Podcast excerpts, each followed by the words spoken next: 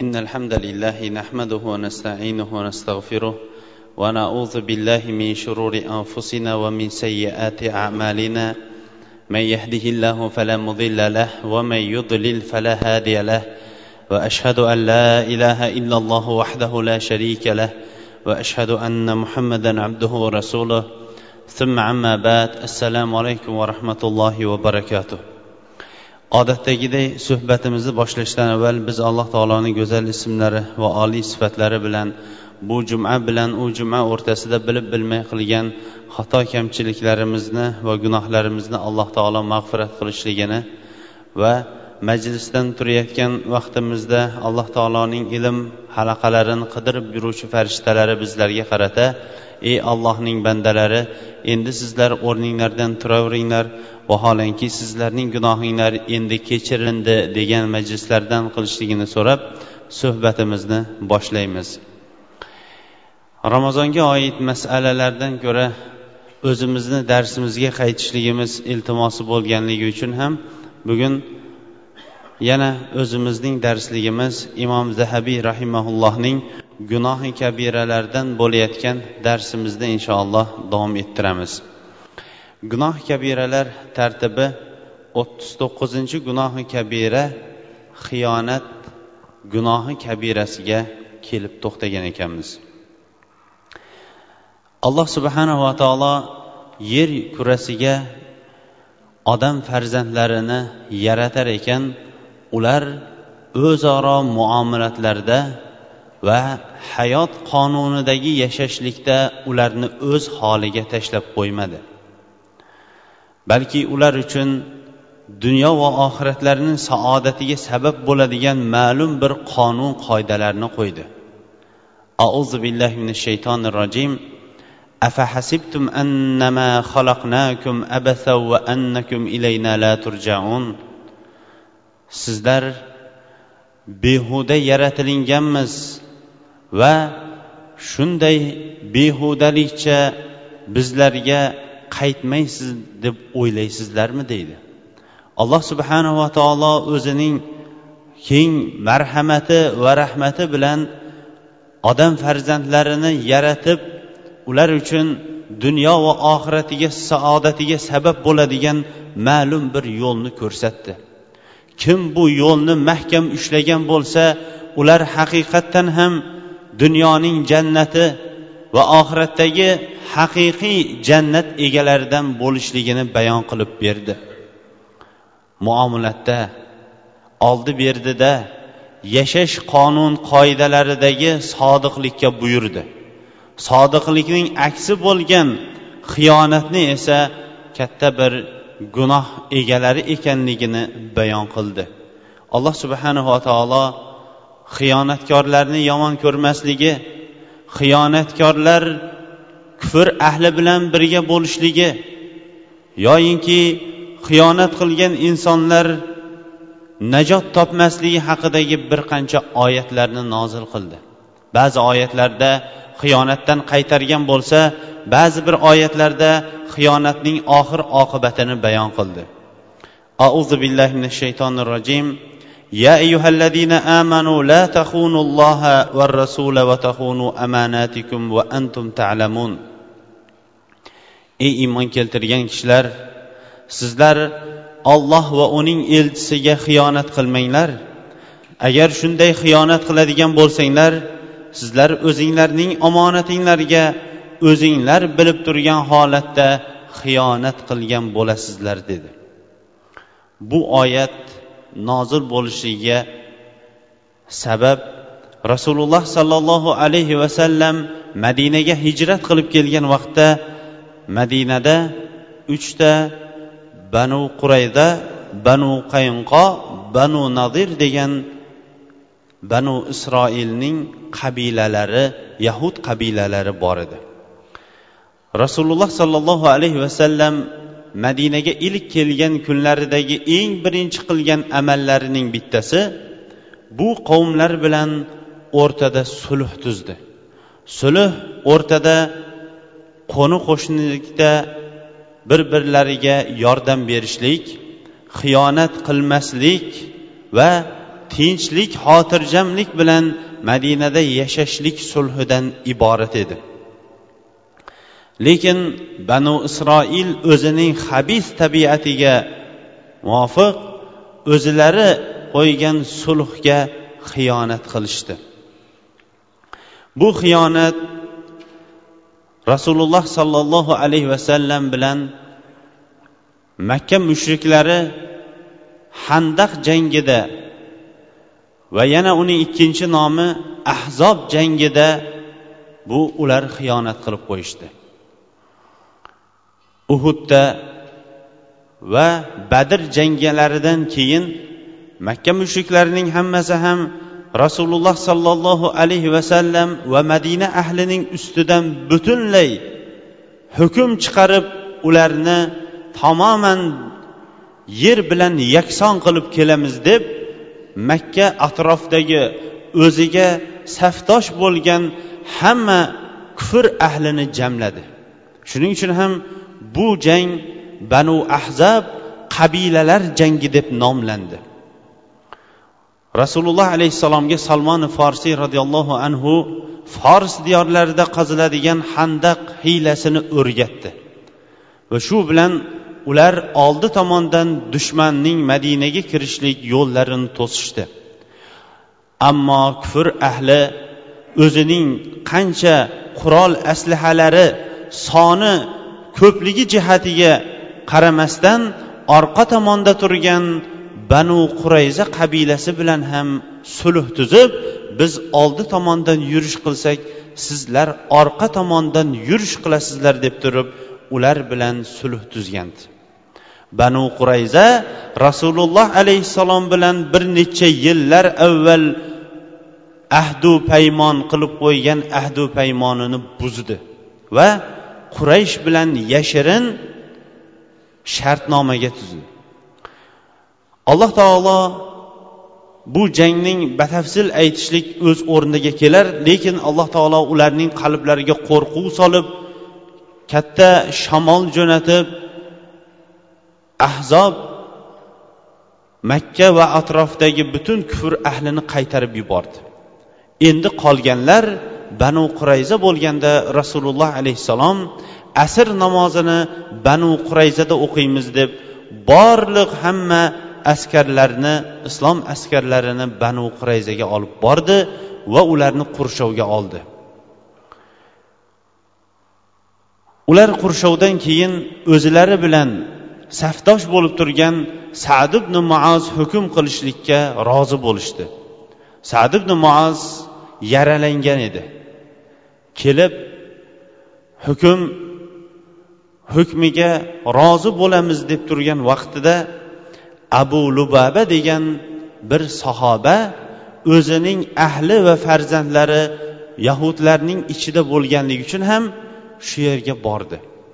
Abu lubabadan yahudlar agar biz saadning hukmiga tushadigan bo'lsak oqibat nima bo'ladi? deb maslahat so'raganda abu lubaba o'zining halqumiga ishora qildi. Ya'ni ishora qilgani kallangiz ketadi deganday ishorani qilib qo'ydi. Shu ishorani qilib turib o'zi bildiki men olloh va uning elchisiga xiyonat qildim dedi. Hali oyog'i qadami o'rnidan qimirlamay turgan holatda mana bu oyat payg'ambar alayhissalomga tushdi. Ey iymon keltirgan kishilar sizlar olloh va uning elchisiga xiyonat qilmanglar. Agar shunday qiladigan bo'lsanglar sizlar omonatga xiyonat qilgan bo'lasizlar o'zinglar uni bilib turgan holatda. Abu lubaba darrov tavba qildi. Rasululloh sollallohu alayhi vasallamning masjidiga keldi. O'z qo'li bilan qo'llarini payg'ambar alayhissalomning masjididagi ustunlarning bittasiga bog'lab o'zini tik shu yerga qo'yib qo'ydi. To olloh va uning elchisidan tavbamni qabul qilganlik haqidagi xabar kelmagunicha men o'zimni o'zim bu yerdan yechmayman dedi. Alloh taolo uning tavbasini qabul qildi. Lekin mana bu oyat to qiyomatgacha musulmonlar uchun olloh va uning elchisiga xiyonat qilishlik harom ekanligi haqida muhkam bo'lgan oyatlardan bittasi bo'lib qoldi.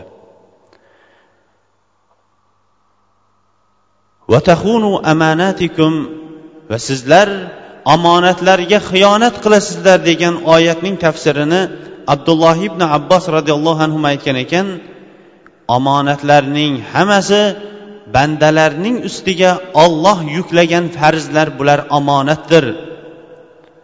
Ularni o'z vaqtida ado qilinglar zoyi qilib qo'ymanglar. Desa imomi kalbiy rahimaulloh aytgan ekan olloh va rasuliga bo'lgan xiyonat ularga bo'lgan osiylikdir degan ekan. Ammo alloh taolo omonat qilib qo'ygan narsalarning eng birinchisi yolg'iz o'zigagina ibodat qilishlik va unga biron bir narsani sherik keltirmaslik keyin esa namoz insonlar uchun buyuk bir ibodatdir va buyuk bir ular uchun qo'yilgan omonat edi. Ramazon oyida ro'za tutishlikka qodir bo'lgan insonlar uchun ro'za tutishlik ular uchun ham buyuk bir omonat edi. Mollaridan zakot berishlikka haqli bo'lgan insonlar mollarining haqlarini ado etishlik ham ular uchun berilingan buyuk bir omonat edi. Hajga borishlikka qodir bo'lgan insonlarning hajga borishligi ham ular uchun qo'yilingan buyuk bir omonat edi. Alloh subhanava taolo omonatga xiyonat qilganlarni yaxshi ko'rmasligi haqida innalloha la yuhibbul xoinin alloh taolo xiyonat qilguvchilarni yaxshi ko'rmaydi deydi. Xiyonat nafaqat alloh taolo farz qilgan amallarda balki xiyonatning turlari insonlar uchidan ichida nihoyatda ko'pki uni faqatgina ba'zi bir amallarga chegaralab qo'yishlik bu salkam johillikning o'zi bo'lsa kerak. Ammo asosan xiyonat qiladigan insonlar kim ekanligini payg'ambar sollallohu alayhi vasallam bayon etib turib ayatul munafiqi salasun. Munofiq kishining belgisi uchta bo'ladi. Agar gapirsa yolg'on gapiradi. Agar va'da qilsa va'dasini buzadi va biron narsa omonatga topshirilgan bo'lsa omonatga xiyonat qiladi dedi. Rasululloh sollallohu alayhi vasallam hasan darajasidagi boshqa hadisda esa la imana liman la amanata lah va la dina liman la ahda lahu. Omonati bo'lmagan odamning iymoni ham yo'q ahdiga vafo qilmaydigan odamning dini ham yo'qdir dedilar. Rasululloh sollallohu alayhi vasallam xiyonat qilgan insonga nisbatan xiyonat qilishlikdan qaytardi. Addil amanata man itamanak vala taxun man xonak omonatni o'z egasiga topshiring. Sizga xiyonat qilgan insonga siz xiyonat qilmang dedi.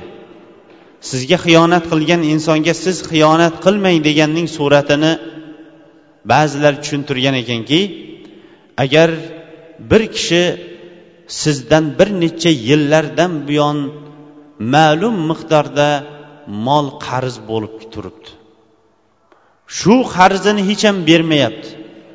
Lekin vaqtlar aylanib kelishligi bilan birga davrlar o'tib uning moli sizni qo'lingizga kelib omonat bo'lib kelib qolgan vaqtda o'sha qarzning haqqiga bosib qolaman demasdan omonat bo'lganligi uchun ham omonatni qaytaring degan ekanlar. Omonatni sizga omonat qo'ygan insonga qaytaring sizga xiyonat qilgan insonga xiyonat qilmang degan payg'ambar alayhissalomning vasiyatlaridan. Omonat va xiyonat bu ikkovlari bir birlari uchun aksma aks kelgan amaldir. Va bu bir necha o'rinlarda inson hayotida nihoyatda ko'p o'rinlarda uchraydigan amallardir. Hozir asta sekinlik bilan avvalambor o'zimizni keyin esa barcha tinglovchilarni xiyonat qilinishlik ehtimoli bo'lgan nuqtalarga asta sekinlik bilan to'xtab o'tamiz.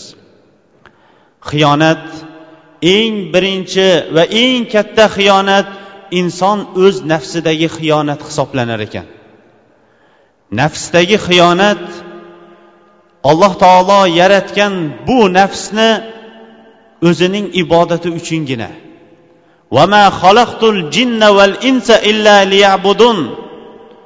Men deydi alloh taolo inson va jin toifasini faqatgina o'zim uchun ibodat qilishlikka yaratdim deydi.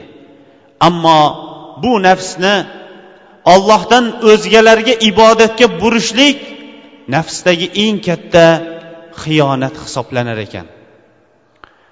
Yaratmagan zotni yaratuvchi rizq bermagan zotni rizq beruvchi deb turib ibodatni boshqaga burishlik alloh taologa nisbatan bo'lgan eng katta bandaning xiyonati hisoblanar ekan. Inson jasadidagi xiyonatlar ham a'zolarida nihoyatda ko'pdir. O'sha xiyonatlarning bittasi ko'z xiyonati.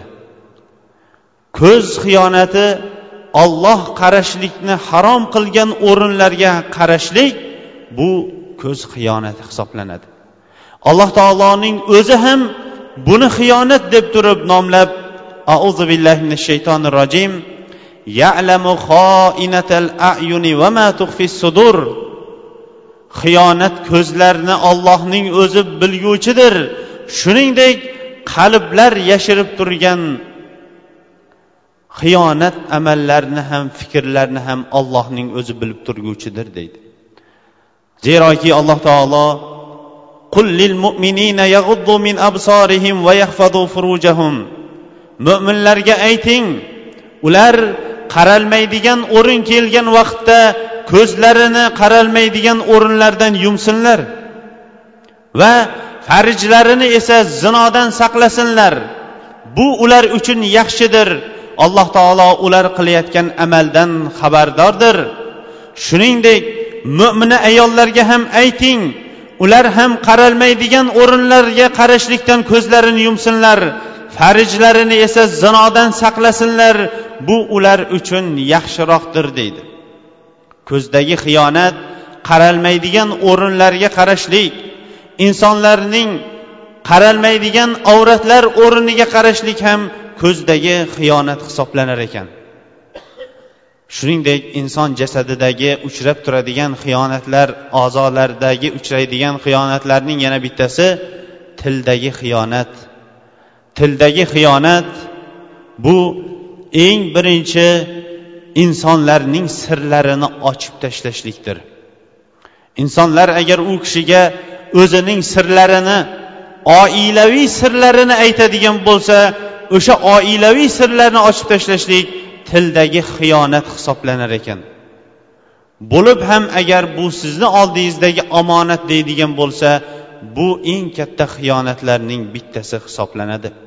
Rasululloh sollallohu alayhi vasallam al muslimu man salimal muslimuna min lisanihi va yadi haqiqiy musulmon musulmonlar uning qo'lidan va tilidan salomat bo'lgan inson haqiqiy musulmondir dedi. Tildagi xiyonat olloh va rasuli harom qilgan gaplarni gapirishlik g'iybat chaqimchilik ig'vo bo'xton kamsitishlik mazax qilishlik mana bularning hammasi ham tildagi xiyonatlardan hisoblanar ekan. Insondagi topilib qoladigan xiyonatlarning yana bittasi inson o'z ahlu bola chaqasida qiladigan xiyonati hisoblanar ekan. Alloh subhanava taolo er kishilarni xossatan oilada boshliq qilib qo'ydi. Va bu boshliqligini shundaycha tashlab qo'ygani yo'q. Ahllarini farzandlarini ollohning toatiga buyurishlikka alloh taolo bu insonni buyurdi auzu billahi minash shaytonir rojim ya ayyuhallazina amanu qu anfusakum va ahlikum nara وقودها الناس والحجارة عليها ملائكة غلاظ شديد لا يعصون الله ما أمرهم ويفعلون ما يؤمرون ey iymon keltirgan kishilar sizlar o'zinglarni va ahlu bola chaqanglarni jahannam olovidan saqlanglar. Bu oloviki insonlar va toshdan qizdiriladigan olovdan saqlanglar. Unda farishtalar ollohning buyrug'iga osiy bo'lmaydigan va buyruqni isyonsiz bajaradigan farishtalar qo'pol va dag'al bo'lgan farishtalar posbon bo'lib turadi deydi. Bu oyatda alloh subhanava taolo insonlar o'zlarini ollohning toatiga burganlaridan keyin ahlu farzandlariga ham e'tibor berishlikka insonlarni alloh taolo buyurdi balki ahlu farzandlarga qarashlik vojib ekanligini ta'kidladi. Payg'ambar sollallohu alayhi vasallam kullukum roin va mas'ulun an roiyati azzavju roin va mas'ulun an roiyatihi yawmal qiyamah. Har biringiz boshliqsiz. Va shu boshliqligingizda qiyomat kunida so'ralguvchisiz. Er kishi o'z xonadonida boshliqdir va shu boshliqligida qiyomat kunida so'ralguvchidir dedi. Er kishilarning erkaklarning oiladagi xiyonati oilasiga befarq qarashligi oilasining namoz o'qiyaptimi namozni o'qimayaptimi ramazon oyida ro'zani tutyaptimi yoki ro'zani tutmayaptimi? Qizlari qaysi liboslarni kiyyapti ko'chaga chiqib ketayotgan vaqtida boshida ro'moli bormi yoki yo'qmi? Oilasining ahvoli qaysi ahvolda? Yoki ularga olib kelayotgan luqmasi haloldanmi yoki haromdanmi? Bunga e'tibor bermaslik oilaga bo'lgan xiyonat hisoblanar ekan. Chunki alloh taolo oilaning omonatini er kishilarning qo'llariga topshirib qo'ygan ekan. Insonlardagi uchraydigan xiyonatlarning yana bittasi sherikchilikdagi xiyonat. Ming afsuslar bo'lsinki bugungi kunda hamma xiyonatning turlari ko'payib ketgani kabi sherikchilikdagi xiyonatning turlari ham ko'payib ketdi. Hadisi qudusiyda alloh taolo ana salisu sharikayni ma lam yakun ahaduhuma sohibahu alloh taolo aytar ekanki men ikkita sherikning uchinchisi bo'laman agar ularning bittasi ikkinchisiga xiyonat qilmaydigan bo'lsa. Olloh aytyapti men ikkita sherikning uchinchisiman agar ular bir birlariga xiyonat qilmaydigan bo'lsa ammo sherikchilikdagi xiyonatning turlari va suratlari nihoyatda ko'p ularning hammasiga ham to'xtab o'tmasak ham va uni o'tgan asrdagi insonlar sherikchilikda ham xiyonat bo'larmikin deb ular tushunmasa ham bugungi kundagi insonlar sherikchilikdagi xiyonatni nihoyatda ko'p tushunadigan bo'lib qoldi. Ming afsuslar bo'lsinki bugungi kunda jamiyatimizdagi xiyonatlarning ko'payib ketgan xiyonatlarning turlarining biri sherikchilikdagi xiyonat bo'lib qoldi. Xiyonatlarning yana bittasi insonlarning ishlayotgan o'rinlaridagi xiyonat hisoblanar ekan. Bunga misol qilib keltirgan ekanki agar biron bir inson biron bir o'rinni qorovullik qilishga ishga kirgan bo'lsa va shu ishida o'zi o'sha sharikani o'sha shirkatni yo o'sha o'rinni qarovullik qilishlik mablag'iga berilayotgan maoshiga va soatiga o'zi rozi bo'lib kirgan bo'lsada keyin qarovullik vazifasiga beparvo bo'lib turib uxlaydigan bo'lsa bu ham xiyonat degan ekanlar. Qarovullarning uxlab qolishligini ham islom xiyonat deb bildi. U yetmagandek ular uchun topshirilingan himoya qilishlik o'sha o'rindagi butun o'sha shirkatning molu davlatini himoya qilishlik o'rniga uni o'g'irlik qilib o'g'rilarga o'zi yo'l ochib berib molini poymol qilish undan ham kattaroq bo'lgan xiyonat hisoblanadi. Xiyonat turlarining yana bittasi har qanaqa amaldagi xiyonat hisoblanadi. Har qanaqa ishlarda ishlarga o'z vaqtida kelmaslik yoyinki atayin o'sha yerni o'marish uchun ishga kirishlik bular ham ishlardagi xiyonat turlarining bittasi hisoblanar ekan. Mana shunaqa o'rinlarda ko'pchilikning davlatning molini olsa bo'laveradi degan tushunchasiga ham to'xtab o'tib ketmoqligimiz kerakdir. Davlatning molini oladigan bo'lsa o'g'irlik bo'lmaydi. Davlatning molini oladigan bo'lsa xiyonat bo'lmaydi degan insonlarda tushuncha bor. Lekin islom olib kelgan tushuncha esa sizga xiyonat qilgan insonga xiyonat qilmang. Sizga omonat topshirilgan narsani egasiga topshiring deyapti. Agarchi u davlat har qanaqa davlat bo'lsa ham u baribir o'g'irlik hisoblanadi.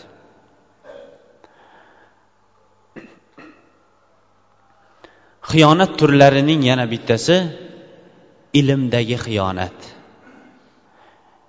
Ilm bu payg'ambarlikdan qolgan meros. Insonlarning dunyo va oxiratdagi darajasini ko'taradigan buyuk amal hisoblanardi. Lekin o'sha bilimdagi xiyonat bu ilmni yashirishlikdir. Eng birinchi ilmni yashirishlikdagi vaid shar'iy ilmga kelgan bo'lsa ham keyin boshqa ilmlarda ham xiyonat bordir. Rasululloh sollallohu alayhi vasallam man suila an ilmin fakatamahu fauljima yawmal qiyamati bilijamin minan nar dedilar. Kim bir ilmdan so'ralsa lekin uni yashiradigan bo'lsa qiyomat kunida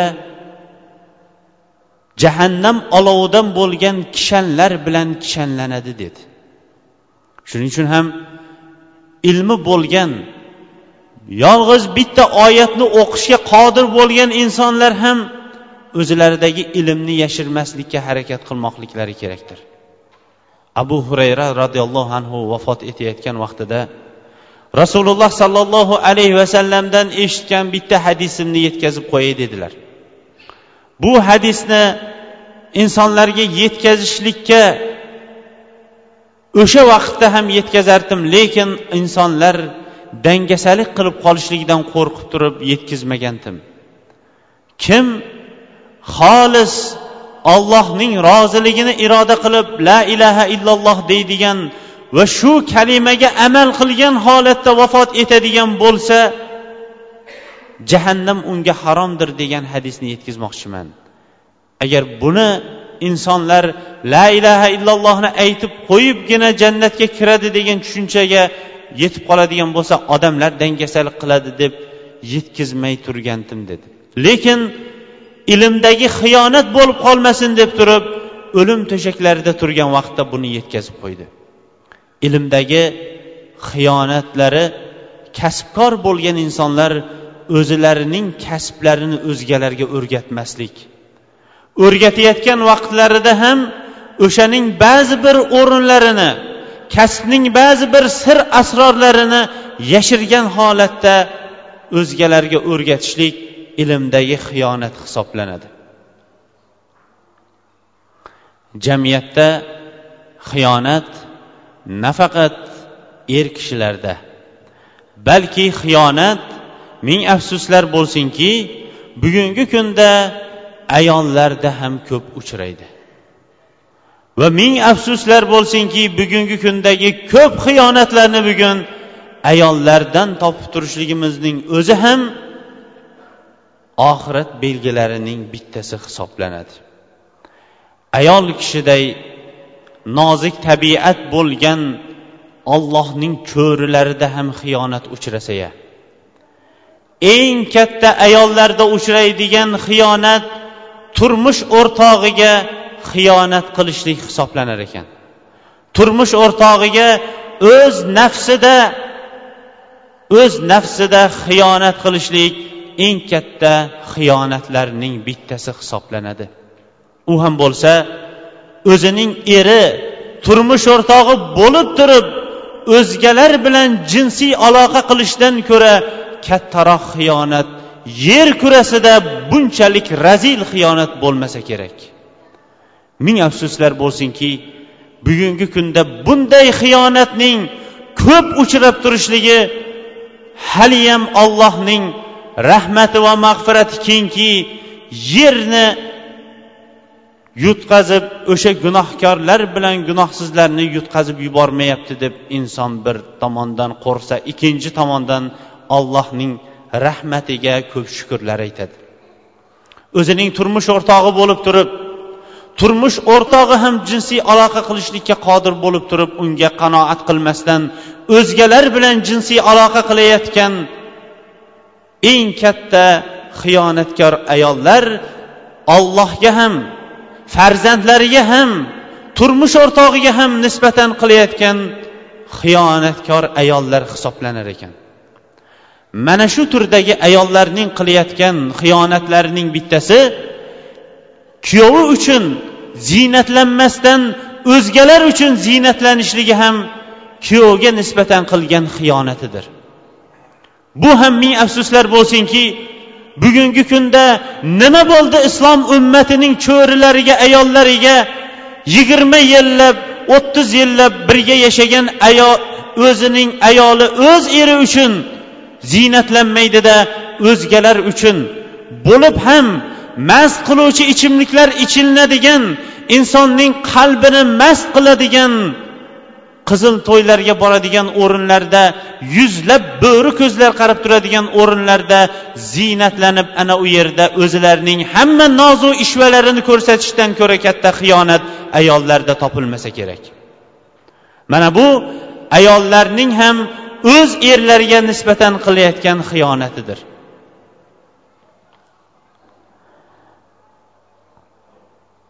Ayollarning oiladagi xiyonatining yana bittasi erining molini himoya qilmasligi. Eri topib kelgan molni o'z o'rniga qo'yib saqlamasligi yoyinki o'z o'rniga qo'yib sarf xarajat qilmasligi ham bu ayollarning oiladagi xiyonati hisoblanar ekan. Chunki islom oilaning hammasini ham bir qildi. Agar oila hamma tomonlama bo'lak bo'lak bo'lib ketadigan bo'lsa unda oilaning lazzati oilaligi qolmaydi. Ota o'z yo'lida ona o'z yo'lida farzand yana o'z yo'lida kelinlar yana o'z yo'lida bu oila deyilmaydi.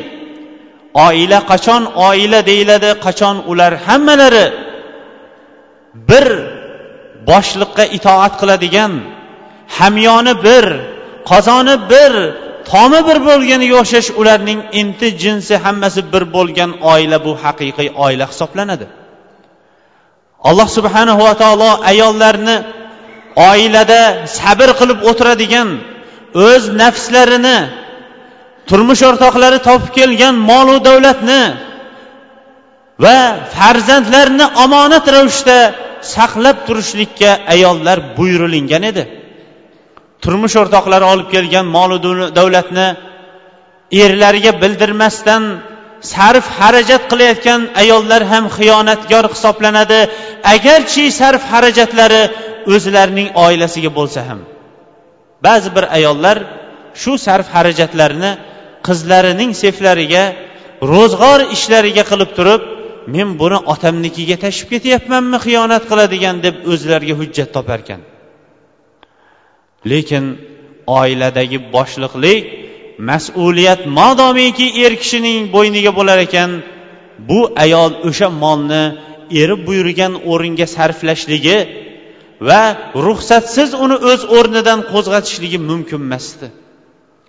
Ayol kishining oiladagi xiyonatlarining yana bittasi farzandlarni tarbiyalamasligi. Yoyinki farzandlarni tarbiyalagan vaqtda beparvolik bilan ularning tarbiyasiga bo'sh qo'yishlik ham ayol tomonidan bo'lgan xiyonat hisoblanar ekan. Er kishi odatda payg'ambar alayhissalom ali roziyallohu anhuga ko'cha ishlarini fotima onamizga bo'lsa uy ishlarini bo'lib berganga o'xshash odatda er kishilar ko'chada bo'ladi. Farzandlarining ko'pchiligining tarbiyasi xususan qizlarning yurib turishligidan ko'p xabardor bo'lmaydi. Ularning yurib turishi tarbiyasidan ko'proq xabar topadigan u ayol bo'ladi. Shuning uchun ham arablarda kelgan buyuk ma'nodagi buyuk she'r al ummu madrasatun ida a'dattaha tuiddu laka ajyalan jalila deydi. Ona bir madrasadir onani agar madrasa qiladigan ravishda tarbiyalaydigan bo'lsangiz sizga buyuk bo'lgan avlodni tarbiyalab beradi deydi. Ammo farzandlarning tarbiyasiga onaning beparvo bo'lishligi va xossatan qiz farzandlarining tarbiyasiga beparvo bo'lishlik ayollarning ikki tomonlama xiyonatidir. O'z farzandlarining tarbiyasiga qilgan beparvolik xiyonati bo'ladigan bo'lsa turmush o'rtog'i tomonidan qo'yilgan omonat farzandlarni tarbiyalashlikdagi beparvolik xiyonati hisoblanadi. Bu jamiyatdagi er kishi bilan ayol kishi o'rtasidagi xiyonatlar hisoblanadigan bo'lsa xiyonat turlarining yana bittasi qo'shnigarchilikdagi xiyonat.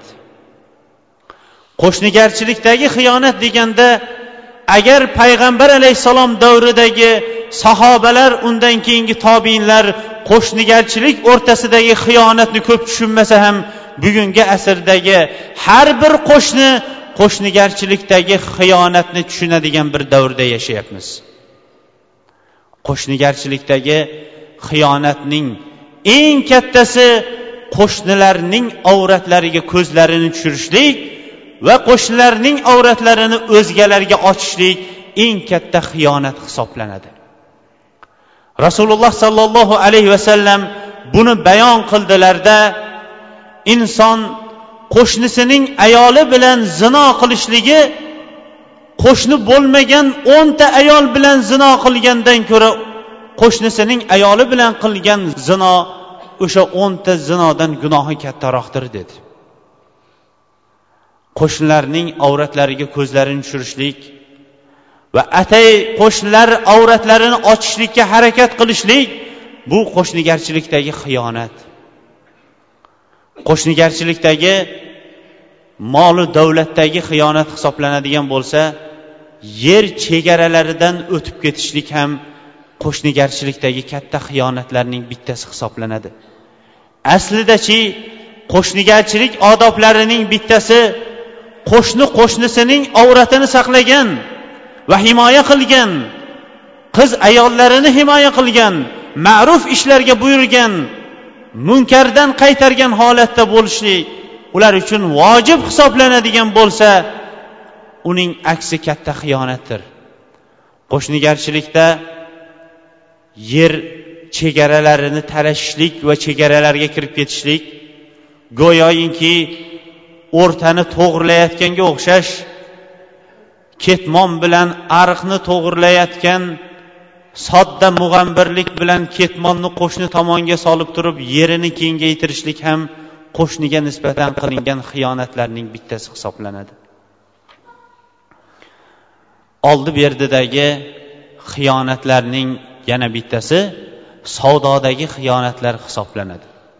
Savdodagi xiyonatlar turlarini ham ming afsuslar bo'lsinki bugungi kunda yangi yangi turlari chiqib inson buning bir turi deb aytadigan bo'lsa boshqa boshqa turlari chiqib ketadigan ko'p savdodagi xiyonatlar ko'payib ketdi payg'ambar sollallohu alayhi vasallam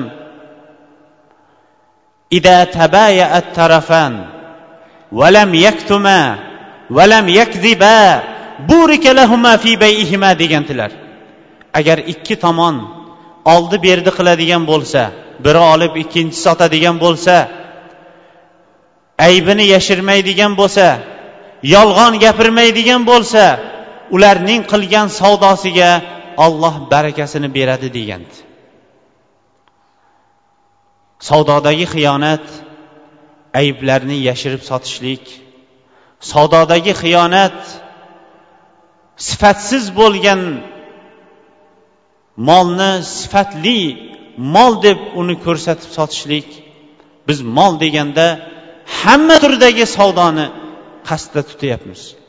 Rasululloh sollallohu alayhi vasallam quruq mevalar sotiladigan o'rindan o'tdilar. Qo'lini quruq mevaga tiqib ko'rdi. Tagi jiqqa ho'l barmoqlari muborak barmoqlari jiqqa ho'lga tegdi. Shunda sotuvchiga qarab turib bu nimasi? dedi. Ya'ni bu guruchmi bug'doymi? Tashqi tomoniga qurug'ini qo'yib tepa tomoniga tagiga ho'lini qilib sotib turgan ekan. Bu nimasi? deganda asobatu sama yomg'ir teguvdi dedi. Yomg'ir tegadigan bo'lsa ho'lini ko'rsatib qurug'ini pastga qilib qo'ymasmidingiz man g'ashshana falaysa minna. Kim bizga yolg'on gapiradigan bo'lsa bu bizdan emasdir dedi. Xiyonat turlari ming afsuslar bo'lsinki nihoyatda ko'p. Ularning hammasiga ham batafsil to'xtab o'tolmaymiz lekin xiyonat qilgan insonlarning oxir oqibatining birontasi ham najot topmaganligini bir eslatib o'tmoqchimiz. Xiyonat qilganlar yer yuzasida nihoyatda ko'p bo'ladigan bo'lsa ularning birontasi ham najot topmagan. Chunki alloh taolo innalloha la yahdi kaydal xoinin deydi. Olloh xiyonat qilguvchilarning makr hiylalarini oxiriga yetkazmaydi. Innalloha la yuhibbu man kana asima alloh taolo ko'p xiyonat qiluvchi gunohkor insonlarni yaxshi ko'rmaydi deydi. Alloh subhanava taoloning go'zal ismlari va oliy sifatlari bilan hammamizni ham xiyonat va xiyonatlikka olib borib qo'yadigan sifatlardan alloh o'zi asrashligini va sodiqlikday bo'lgan buyuk sifat bilan sifatlanishlikka alloh taolo o'zi tavfiq berishligini so'raymiz. Ho'p bu yerda ba'zi bir savollar tushgan ekan. Ro'zador odam tish oldirayotgan vaqtda og'riqni sezdirmaydigan ukol oladigan bo'lsa ro'zasi ochiladimi degan ma'noda tushibdi. Qilinayotgan ukollar o'zi ikki qismdan iborat. Birinchi qismdagi ukollar ozuqa bo'ladigan ukollar hisoblanadi. Ikkinchi turdagi ukollar ozuqa emas og'riqni to'xtatib turadigan ukollar hisoblanadi. Ozuqa bo'ladigan ukollar qayerdan olinishidan qat'iy nazar u ro'zani ochadi. Bunday bemorlar ro'zasini ochib davolanib bo'lgandan keyin ro'zasini davom ettiradida qancha kun kasalligi sababli ro'zasini ochgan bo'lsa ramazondan keyin bir kuniga bir kun ro'za tutib beradi. Ammo og'riqni to'xtatadigan ukollar bo'ladigan bo'lsa ular insonning ro'zasini ochmaydi. Ho'p e'lonlarimizning yana bittasi allohga beadad hamdlar bo'lsin. Ramazon oyida hamma masjidlarda ham taroveh ba'zi masjidlarda mana xatmlar ham qilinyapti. Jomiy masjidimizda qorakalarimiz mana kecha xatmni boshlashdi. Ko'p ham og'ir emas shu bir soat atrofida yigirma porani mana abdul hafiz qorakamiz ukamiz mana shu yerda o'zini do'stlari bilan xatmni boshlashdi. Xatmni qolgan kunlarda sherik bo'lay shu savobga sherik bo'lay deganlar marhamat kelib bugundan kelib qatnashishlari mumkin. Ayollarning g'usul qilish odobi qanday? Sochlarini tirkalmagan holda qanday?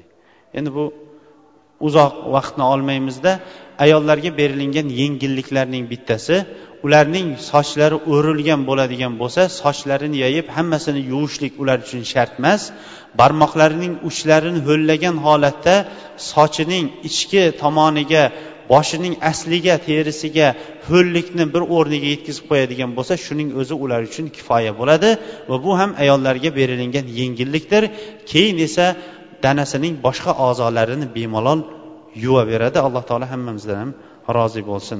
Va ba'zilar duo talab qilgan ekanlar duo bilan suhbatimizni yakunlaymiz. Amin. Alhamdulillah vassalatu vassalamu ala rasulillah.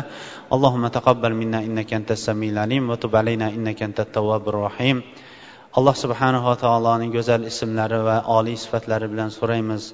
Ey robbim ey rohman ey rohim ya dal jalal val ikrom ya hayyu ya qayyum اللهم تقبل منا انك انت السميع العليم وتب علينا انك انت التواب الرحيم robbim bizni qilayotgan toat ibodatlarimizni o'z dargohingda qabul qil tutayotgan ro'zalarimizni qilayotgan toat ibodatlarimizni o'z dargohingda qabul qil tutayotgan ro'zalarimizni qilayotgan toat ibodatlarimizni o'z dargohingda qabul qil tutayotgan ro'zalarimizni qilayotgan toat ibodatlarimizni o'z dargohingda qabul qil. Ramazon oyini bizlar uchun rahmat mag'firat gunohlar mag'firat qilinib jahannamdan ozod bo'lishga sabab bo'ladigan oylardan qil. Ey robbim ushbu oyda bizlarni ota onalarimizni ota onalarimizning ota onalarini farzandlarimizni va ahllarimizni jahannamdan ozod qil va har birlarimizni ham qiyomat kunida jannatning rayyon eshigidan kirishlikka sabab bo'ladigan oylardan qilgaysan. Ey robbim bemorlarimizga o'zing shifo ber. Qarzdorlarimizning qarzini ado qilishlikda o'zing madad ber. Oilalardagi muammolar bo'lsa uni ko'tarib o'rnini xotirjamlik tinchlik barakot bilan to'ldir yurtimizga tinchlik xotirjamlikni ber. Xonadonlarimizdan iymon va amali solih bilan o'tgan ajdodlarimizni o'z rahmatingga olib qabrlarini jannat bog'chalaridan bir bog'chaga aylantir. Farzand so'rayotganlarga o'zilari o'ylagandan ham ortiqroq salohiyatli farzand ber. Ramazon oyidagi savobi ko'proq bo'ladi deb yordam qilayotgan akalarimizning molu davlatlariga barakot ato et. Ularning ham dunyo va oxiratdagi uylarini o'zing obod qil. O'zlari o'ylagandan ham ortiqroq uylarni qasrlarni jannatda ular kutib turadigan o'rinlarni o'zing hozirlagaysan. Robbana atina fid dunya hasana va fil oxirati hasanata va qina adabannar va sallallohu taala har xalqi muhammad va ala alihi sahbi ajmain. Bi rahmatika ya arhamar